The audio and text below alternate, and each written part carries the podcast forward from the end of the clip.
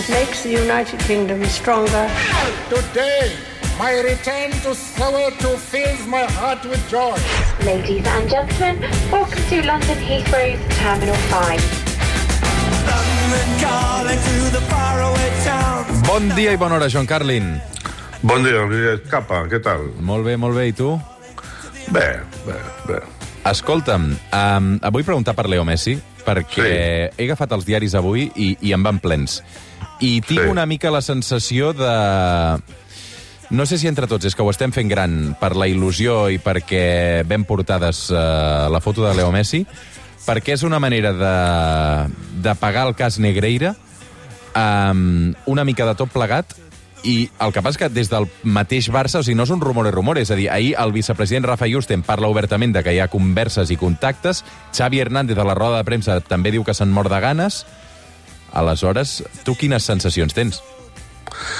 Bueno, a ver, ¿por dónde empezamos, Roger? Primero, si no te importa, eh, hablaré un momentito del país que seguramente es la principal fuente de ingresos de Leo Messi, Arabia Saudí.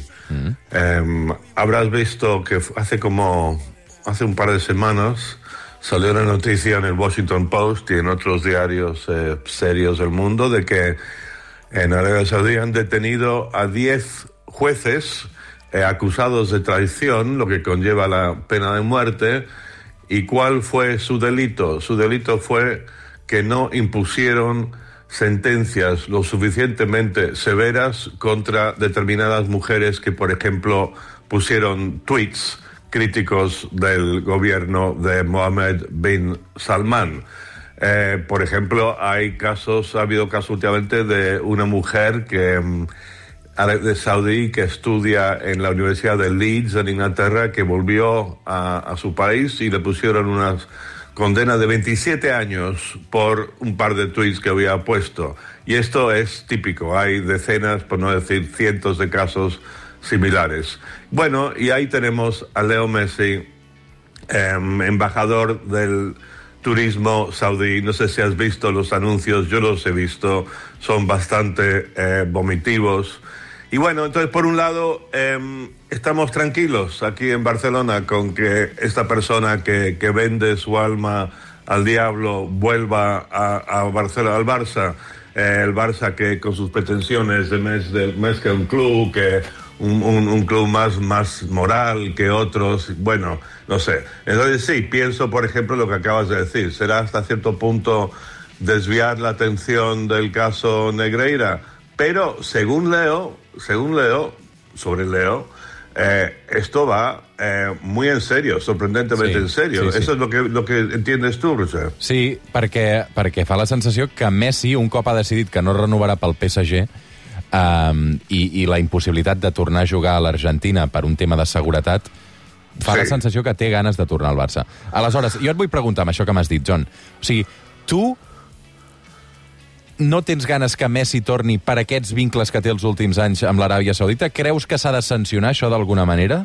Bueno, no, no, sé, mira, pero, te- perdón, algo, vol- volviendo a lo que dije hace un momento, te pregunté hace un momento, vi hoy una, una columna del director de La Vanguardia, Jordi Juan, que se supone que es una persona que está bastante enterada, en la que dice que está muy encarrilado esto y que está la voluntad y que lo único que lo puede bloquear es Javier Tebas y, y- y el fair play y todo esto. Home, no és una cosa menor tenint en compte que no han pogut inscriure ni Gavi i que el, el Barça ha de quadrar la massa salarial o l'ha de rebaixar, si més no, la massa salarial. Bueno, sí, exacto. Pero el tema es, a ver, o sea, no está Messi ya muy cerca de, de caducar, Roger. O sea, si 36 traemos a anys Messi, tindria, 36 anys tindria l'estiu. sí, sí, sí, sí, sí, traemos de vuelta a Messi, ¿por qué no de paso a Stoichkov y, y Romario? Home, no et passis, John. No, Bueno, no ok, et passis, ok. John. Pero bueno, pero hay una cosa muy extraña. Mira, yo, yo el otro día hablaba con una persona que, eh, que es muy cercana a Xavi Hernández, que me decía que Xavi Hernández, a Xavi Hernández le aterra la idea de que vuelva Messi porque tiene su plan, está construyendo un equipo ahí basado en un espíritu joven, está ese espíritu de equipo, esa energía que hay, y que de repente, según me contaba esa persona, que conoce muy bien a Xavi Hernández, Xavi Hernández pensaba que esto iba a romper la, la dinámica eh, de, de- de- de lo que está construyendo. O sea, entonces me sorprende mucho que Xavi ahora diga, eh, sí, súper, que, que vuelva, que vuelva Messi. Pero es que esto de, volver a los viejos amores, no sé, que, vuel- que vuelvan juntos Angelina Jolie y Brad Pitt, em, es, es- tiene algo de esto, pero no le queda mu- mucho tiempo más a Messi. Es algo, es una especie de, no sé, impulso nostálgico que yo no sé si, si va a haber. O sea, yo entiendo que hagan un gran homenaje en el Camp Nou, que va- vayamos todos y que lo celebremos, pero que vuelva a jugar en el primer equipo con 37 años. eh, cuando se lo ve ya bastante cansado, yo creo que el, la última, el último impulso que él dio realmente serio, comprometido en el fútbol fue ganar el Mundial para Argentina, que era lo que quería. No sé, yo, yo, yo lo veo a, a todos los niveles, lo veo como moralmente vomitivo porque yo he perdido toda fe en Messi como persona, pero también a nivel futbolístico, em, no sé, me parece una, una jugada bastante dudosa, Roger. Doncs um, pensava que no em posaries tanta aigua al vi, John, però m'ha sorprès um, que et mullessis tant, la veritat. Perquè veig la gent bastant entusiasmada, eh? veig el barcelonisme bastant entusiasmat amb aquesta idea d'acomiadar durant un any sencer el terreny de joc a Messi, i inclús hi hauria la possibilitat d'aquest trasllat al Camp Nou a Montjuïc per aquestes obres, Sí. que si tornés Messi tot això s'endarrerís una mica per poder acomiadar al llarg d'una temporada sencera Messi al Camp Nou.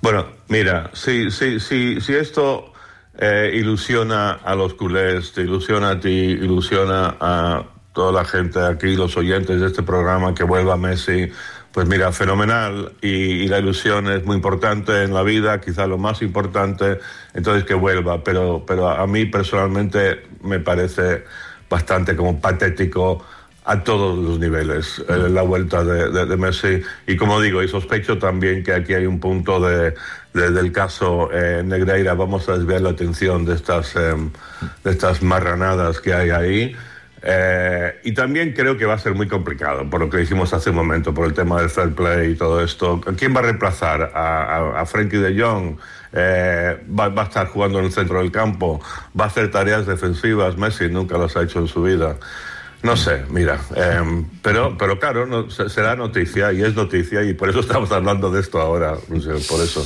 Uh, per cert, avui és que és 28 de... No, que avui és 1 d'abril. Um, crec que celebreu el April Fool's Day, uh, John. Sí. En el món anglosaxó, que és una mena de, de 28 de desembre català, que és el, el dia que celebrem nosaltres les Sí. innocentades, eh? Sí. Bueno, sí, puede ser que, o sea, yo, yo quiero pensar que, que el- el- la columna hoy de mi amigo, el director de la vanguardia, Jordi Juan, que dice que está todo encarrilado, que él, él ha entrado en el juego anglosajón de lo que llaman el April Fool's del 1 de abril, que de inocentadas, pero, pero me temo que quizá no, que sea verdad. John Carlin, uh, cuida't, una abraçada, molts ànims. Una abrazada. Bon dissabte. Arribem pràcticament a les 9 del matí i de seguida obrim tertúlia.